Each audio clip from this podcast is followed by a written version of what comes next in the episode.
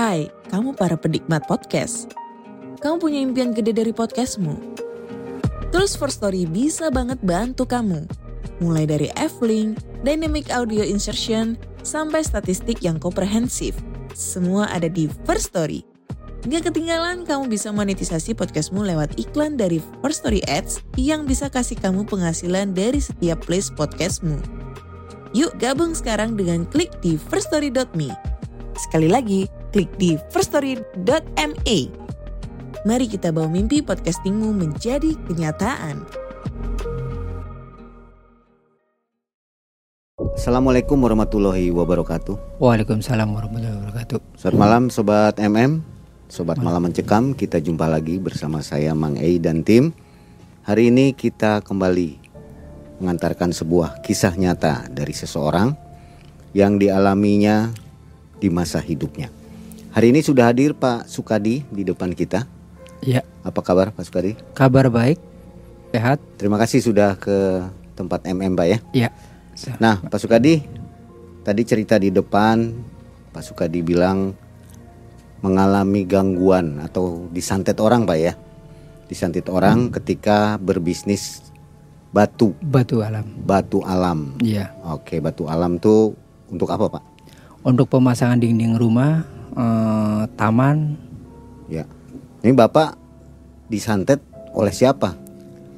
eh, temen, temen bisnis. Udah pasti. Udah pasti Nanti ya. seudon loh, Pak. Ya enggak, kita enggak seudon ya.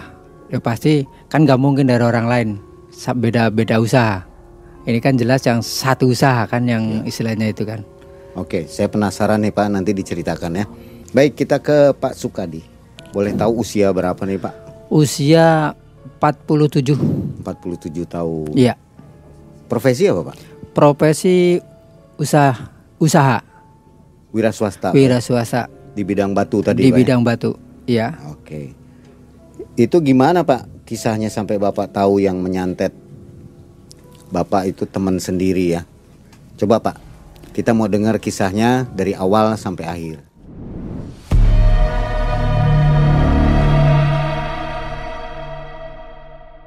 Saya berusaha usaha itu di Batu Alam. Dalam berjalan usaha saat itu semua normal. Normal itu ya dalam kata normal semuanya eh, nggak ada kaitan apa-apa. Lepas dari mulai 2015 sampai 16 itu baru ada kendala. Dalam kendala itu uh, banyak yang di- dihadapi oleh kita. Di antaranya, di antaranya banyak uh, orang yang nggak senang ke kita, rekan-rekan kita uh, kurang lebih ada komunitas itu 10 orang. Setiap satu bulan sekali kita diadakan kumpulan. Dalam kumpulan itu kita penegasan di harga. Kita tidak mau saling menghujat harga, men- menurunkan harga. Kita standar harga di pasar. Di pasar itu tidak ada anjlok, tidak ada naik, semua sama harga. Sama-sama bergelut di bidang batu, tapi kita pun sama-sama cari makan. Menikmati apa yang kita jalani dan itu jalan udah satu tahun lebih lah. Itu lokasi berbeda Pak. Berbeda Setiap lokasi. orang lokasi Berbeda lokasi itu hanya berbeda. satu komunitas. satu komunitas. Seiring waktu, bulan, minggu terbenturlah. Suatu malam itu kita kumpul sama teman-teman dan kita sharing. Dan biasanya kalau yang namanya sharing kita sama teman-teman otomatis kan ayo kita terbuka. Apa kendalanya di lapangan? Apa nih problem yang kita hadapi? Ayo bareng-bareng. Ada satu orang yang kurang seneng ke kita ya udah ketahuan lah dari kita. Orang itu ah beda. Pandangan ke kitanya beda. Dan saya pun tidak mau seujuan sama dia karena kita dalam masih dalam satu tim. Dalam satu tim kita nggak pernah ada saling tunjuk Menjatuhkan ya. menjatuhkan bahkan merendahkan dia pun saya tidak mau. Ayo kita sama-sama junjung. Di komunitas kita ini bareng-bareng kita berjuang bukan untuk semata-mata pribadi masing-masing tidak. Lama kelamaan itu yang yang si temen gitu mulailah uh, setiap kumpulan tidak datang setiap meeting tidak datang setiap ada kegiatan untuk kita komunitas untuk kita ini nggak datang. Dan setelah itu lambat hari itu untuk malam yang pastinya itu malam Jumat. Malam Jumat itu di uh, di tempat usaha saya ya yang mulai beda. Beda suasana hawa lah beda hawa beda biasanya kalau di daerah kita pegunungan dingin. Orang bilang dingin tapi toh di rumah kita tempat usaha kita panas sampai panas sekali keringat bercucuran Padahal pintu udah dibuka semua. Jendela dibuka malam itu benar-benar mencekam. Nggak pernah seperti itu, Pak ya? Nggak pernah, belum pernah selama ini kejadian seperti itu. Sampai malam itu ngerasa istilahnya kita sama keluarga beda rasa. Akhirnya istri sholat. Begitu sholat malam itu nggak terasa apa pun yang terjadi. Istri ada yang nabrak Orangnya tinggi besar, matanya lebar, mulutnya gede, dan bertaring. Di situlah saya kembali ke ke yang kuasa. Apa yang terjadi saya tidak bisa mengatakan apa-apa. Itu ditabrak yang lihat siapa pak? Saya sendiri sama istri yang merasakan. Istri pun sampai pingsan. Di situ keluarga kita sama anak sama istri tiga orang. Serba bingung kita harus berbuat gimana? Malam jam 1 posisinya mau ke mana? Akhirnya dengan izin Allah jam 4 setengah limaan jam 4 lah istri sadar. Dia cerita bahwa saya tadi ada angin besar semacam gumpalan besar lah nggak tahu itu begitu saya mau usoli ada yang lewat tabrak saya jatuh pingsan dan saya melihat saya tidak cerita sama istri takutnya saya cerita sama istri istri yang bingung apa ini kejadiannya? Dari sisi itulah kita mulai uh, untuk mengenal orang yang ngerti. Dalam ngerti bukan ngerti kita bisa baca atau bisa nulis. Nah, dalam pengertian saya, saya harus punya guru untuk bisa membimbing saya dan mengarahkan saya di dalam usaha pun maupun di dalam persaingan usaha. Nah, setelah itu kita sering ngobrol sama yang setidaknya di atas saya lah pengetahuan untuk masalah ini. Sering ngobrol, sing apa datang setiap malam Jumat. Secara langsung saya mengadu. Keluhan saya begini. Oh ya udah. Emang kalau keluhan begitu, oke. Okay. Di dalam komunitas kita bikin yuk kita untuk bikin zikir bareng. Tapi zikir itu bukan kita semata-mata untuk kita belok dari agama. Tetap kita jalur agama dan bahasanya agama jalur putih lah. Setiap malam kami saya pun berzikir sama teman-teman dan di suatu tempat kita berzikir dan minta perlindungan sama yang di atas selama satu tahun setiap malam Kamis. Alhamdulillah dengan adanya itu kita pun bisa untuk membackup yang orang yang nggak senang ke kita dengan cara kita sama tim kita selalu berzikir setiap malam Kamis kita ziarah ke sebut aja sumur tepatnya di desa dan di situ semua serba berbeda dalam kata berbeda ini Orang itu kalau sumur apa kalau danau itu air biasa diminum tawar. Tapi di situ tidak tawar. Setelah kita mau mau ke situ otomatis kita air wudhu dulu, zikir bareng, setelah zikir bareng baru kita mandi di danau itu dan lebih hebatnya lagi di danau itu semua makhluk banyak yang berdatangan. Tapi nggak tahu orang lain lihat nggak. Kalau saya yang sendiri pasti lihat. Di atas pohon besar itu ada kurang lebih 3 sampai 4 yang makhluk gaib yang ada badannya besar, rambutnya panjang, putih. Sebelumnya Bapak ini memang bisa melihat makhluk gaib Belum. atau gimana? Belum.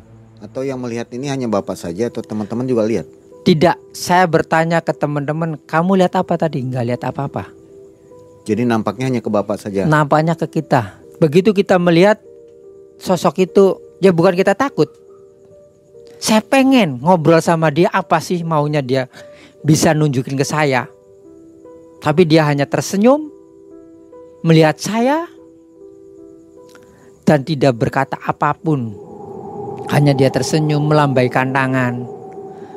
Dan di saat wiridan mulai mulai zikir itu datanglah sosok dua laki-laki sama perempuan di samping kanan kiri saya dan dia berbisik, "Apa tujuan Anda ke sini?"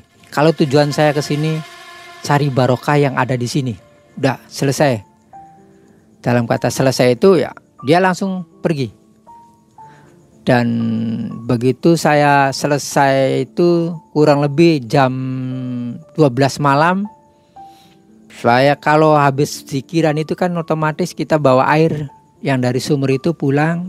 Sepulang di rumah itu saya langsung taburin air itu di tempat kita yang berjualan, di tempat kita usaha. Saya salah satunya kita buat penangkal.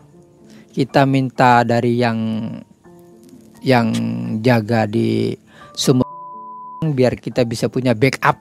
Setelah itu ya orang yang nggak seneng sama saya itu mulai kelihatan di kita. Oh si A orang yang nggak seneng, oh si B yang nggak seneng melihat kita usaha semakin ke depan, semakin mapan, semakin banyak omset. Dan suatu hari kejadian yang paling aneh bagi saya dan keluarga saya. Malam-malam itu datang orang yang nggak dikenal sama saya. Dari mana pun orang itu saya tidak tahu ketok pintu assalamualaikum. Waalaikumsalam. Saya buka ngobrol dia. Kamu mau lama nggak usaha? Saya bilang saya usaha bukan mau sekali apa sehari dua hari untuk selamanya. Ya udah emang, emang kalau kamu mau selamanya usaha begini kamu ikut saya? Nah ikut dalam ke mana nih? Dan dia pun tidak mau menjawab. Ya udah, kalau kamu nggak mau ikut sama saya, ya udah. Saya nggak mau maksain kamu. Tapi satu saat saya datang lagi untuk menemui kamu. Apa yang terjadi? Saya tidak tahu. Nah malam itu orang itu pergi itu begitu keluar dari pintu ya nggak tahu nggak ke mana. Orang itu apa ke utara, apa ke selatan, apa ke timur. Saya nggak paham begitu lewat ya udah. Pedal itu di luar lampu-lampu jalanan yang paling terang. Tapi orang itu nggak tahu ke mana perginya saya pun wawalam nggak tahu. Dan yang lebih saya menjadikan lagi pagi itu kurang lebih jam 5 saya setelah sholat subuh di depan pintu ada sajen. Sajen itu isinya uh, kelapa muda, bubur merah, bubur putih, air manis, air teh, sama kopi. Apa ini tujuannya? Dan saya yakin orang itu nggak mungkin bawa sajen itu nggak mungkin karena apa? Gerbang tertutup semua terkunci. Nggak mungkin orang loncat gerbang.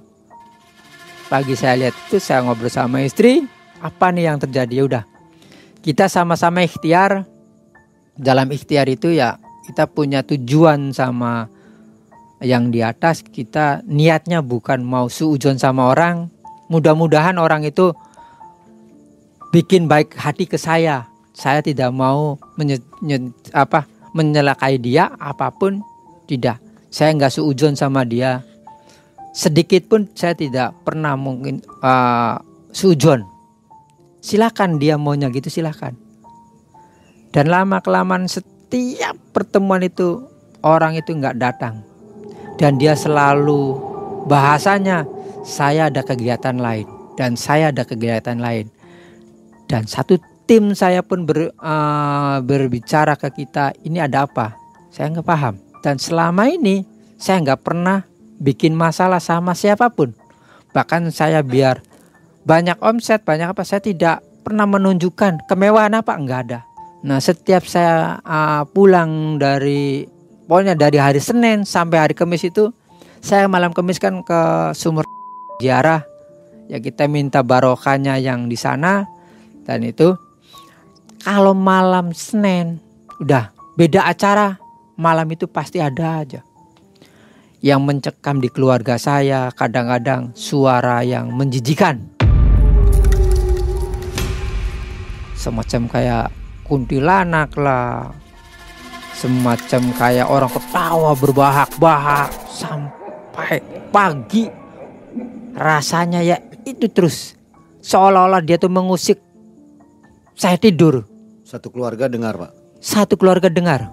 Kecuali kalau saya ziarah, pulang ziarah saya sebar air, nggak ada suara. Itu. Makanya dengan adanya itu saya lebih fokus untuk ziarah kita belajar dari situ untuk mendekatkan diri. Bukan kita mau nyimpang, mendekatkan diri. Oh gini ya, kita yang namanya awal usaha banyak godaan bukan dari orang, bukan dari usaha, tapi dari sesama pengusaha, sesama pembisnis. Dan emang yang namanya bisnis kejam, ya di situlah letaknya. Dia nggak berani dari depan, dari belakang. Dia nggak berani main keras, main alus. Dan suatu saat itu saya di, sama guru saya lah dikasih dikasih semacam baju tahu saya juga nggak paham baju itu ada tulisan Arab. Dan setiap malam mau sholat pakai. Dan kelihatan baju itu setelah saya pakai kalau sholat anak dan istri ngeliat bahwa baju itu bercahaya bersinar. Dan kelihatannya orang itu selalu menghajar saya ya nggak kena mental. Kalau ndak salah pas malam minggu pas lahirnya saya itu datanglah saya habis sholat itu semacam kayak bola besar bola besar api untuk nabrak saya. Dengan izin Allah dan bukan kita percaya ke bajunya kita percaya yang di atas semuanya yang di atas yang bisa menetralkan kita eh, menenangkan kita. Itu bola itu tembus ke kita tapi kita tidak apa-apa. Sedikit pun nggak luka Terlihat serangannya, Pak. terlihat. Bener-bener terlihat. Sampai istri nangis anak saya nangis. Lagi tidur bangun karena suasana panas. Yang datang itu api bukan bola biasa. Api. Itu Banaspati, Pak ya. saya nggak paham pak. Dalam apa mau banaspati mau apa saya nggak paham. Cuma yang yang jelas kejadian itu persis pas di hari saya kelahiran saya itu hantem pribadi saya dan saya pun alhamdulillah itu datang orang tua saya yang sudah almarhum datang. Nak awas hati-hati. Kamu banyak yang nggak seneng sama kamu dan di antaranya kamu udah bisa baca. Dan saya ngomong pak kalau tadi apa itu? Yaitu salah satunya itu baru satu orang ini belum yang lainnya. Karena apa? Posisinya dia bukan dia sendiri yang melakukan. Dia hanya beli dari orang lain. Dan orang lain itu yang menyuruh. Sehebat apa kamunya yang punya? Semampu apa kamunya? Kalau saya kan punya yang di atas. Dan hidup mati pun yang di atas yang menentukan. Bukan orang dia, bukan dia yang menentukan. Toh kalau saya mati karena dia. Tapi saya tidak mati untuk usaha dan orang tua saya pun nangis. Kamu mampu dan menghadapi. Dengan izin Allah, saya mampu. Tapi kalau yang di atas tidak mengizinkan, saya nggak mampu. Bukan apa-apa. Segala sesuatu dengan izin yang di atas. Dengan izin Allah. Ya dari menginjak malam minggu itu eh, selang dua hari tiga hari baru dia terasa dalam kata terasa itu di kehidupannya dia dulu dia biasa seminggu ngirim dua kali tiga kali sampai empat kali turun dan dia pun ngerasa mungkin tersisih dari semua kegiatannya dia rasa tertutup semua. Bukan saya yang menutup, tapi dia sendiri yang menutup luang lingkup dia, pergaulan dia. Bahkan sampai di komunikasi dia secara langsung tertutup semua. Dan dia bisu dan dalam kata bisu bukan bis, bicaranya bisu. Di usahanya untuk membisu. Dan dia kembali ke awal. Dalam kembali ke awal itu dia merangkah lagi turun. Dari dulu orang uh, banyak pemesanan. Semakin ke sini semakin mengurang semakin mengurang. Dan kalau saya ketemu sama dia saya selalu berbaik hati. Dan dia pun perlu apa? Saya mendahulukan ngasih. Suatu saat itu saya uh, selang beberapa bulan kemudian dia tuh mau punya hajat. Dan saya pertama yang ngasih nih sumbangan dari saya. Silakan ada rezeki sedikit pergunakan dengan baik dan saya tidak menelah dia berbuat ke saya gini seujur apa saya tidak saya tidak punya sedikit apa pun tujuan saya untuk dendam pribadi apa bahkan dendam keluarga saya tidak ada dan ketika saya datang untuk menyalami dia, menyambangi dia, dia seolah-olah kikuk di keluarganya. Apa ini yang terjadi? Saya tidak tidak tidak menerka dia yang mengguna-guna saya, mensantai saya. Saya tidak sedikit pun punya berpikiran arah ke situ. Awal yang baik, akhir pun yang baik. Dan dia dulu teman saya, sekarang pun teman saya. Dia tidak ada, ya saya ada, ya saya ngasih tidak mau saya di atas. Ah tidak kenal yang di bawah, saya tidak mau arah ke situ. Kita hidup pong Jawa, bahasanya seneng bareng seneng, blenak bareng blenak. Itu panutan saya dan orang tua saya pun berwejangan ke saya. Bila mana kamu sakit, orang yang menyakiti, dulu kan kamu yang datang. Silaturahmi pertama kamu yang datang. Jangan sampai orang lain dulu yang silaturahmi. Kamu yang pertama silaturahmi. Usahalah dengan cara yang baik. Berzikirlah dengan yang di atas. Kita meminta sama yang di atas, bukan meminta sama orang. Orang sih hanya pelantara.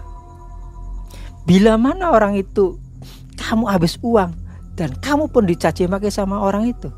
Tapi sama yang di atas ada tetap yang di atas lihat tidak ada pun tetap lihat tahu semuanya dengan kata-kata istilahnya ayo kita kumpul lagi bisa bersatu lagi bisa buka usaha bareng lagi sama-sama lagi. Mudah-mudahan dengan nikat kita baik bisa menyongsong anda yang lagi keterburukan bisa menyongsong ayo bareng-bareng kita angkat dari derajat kamu yang uh, yang dibawa ke atas lagi biar kita pun tidak punya patokan sama orang. A pasti bisa membunuh kamu. Tidak. Hanya Allah yang tahu hanya Allah yang bisa. Kun fayakunya dia. Kita sebagai manusia yang lemah di mata dia di mata Allah tetap kita wajib ikhtiar dengan catatan ikhtiar itu apa yang tujuan kita. Untuk usaha, ayo kita cari untuk usaha. Jangan kita cari untuk saling membunuh. Itu di agama tidak dibenarkan. Apalagi kita orang Islam yang panutannya ke siapa? Ke kanjeng Nabi Muhammad. Kiblat saya ke Ka'bah. Selama masa itu berapa lama Pak? Dari masa santet-santet itu waktunya berapa lama itu? Itu kurang lebih hampir 4 bulan 5 bulanan. 4 bulan 5 bulanan. Iya. Tidak ada yang sakit keluarga Bapak? Mungkin sakit hanya panas ya. Tapi itu mungkin wajar lah namanya anak kecil. Tapi untuk di keluarga ya alhamdulillah ya bukan kita uh, apa ya menyeleweng dari agama, menyeleweng dari kepercayaan kita ya. Uh, saya waktu setiap uh, apa zikir yang di sumur itu selalu saya air di tempat usaha dikelilingin apa saya tabur-taburin air. Ya tujuannya bukan kita mau percaya ke airnya. Barangkali inilah penolong kita. Tetap kita kembalinya ke Allah. Karena apa kita pun selalu memuja sama yang di atas selalu uh, mulainya dengan bacaan bismillah selalu dengan selesainya kita membacaan alhamdulillah dengan izin Allah saya istilahnya bisa sampai sekarang ini uh, bertahan pak ya? sampai sekarang saya bertahan.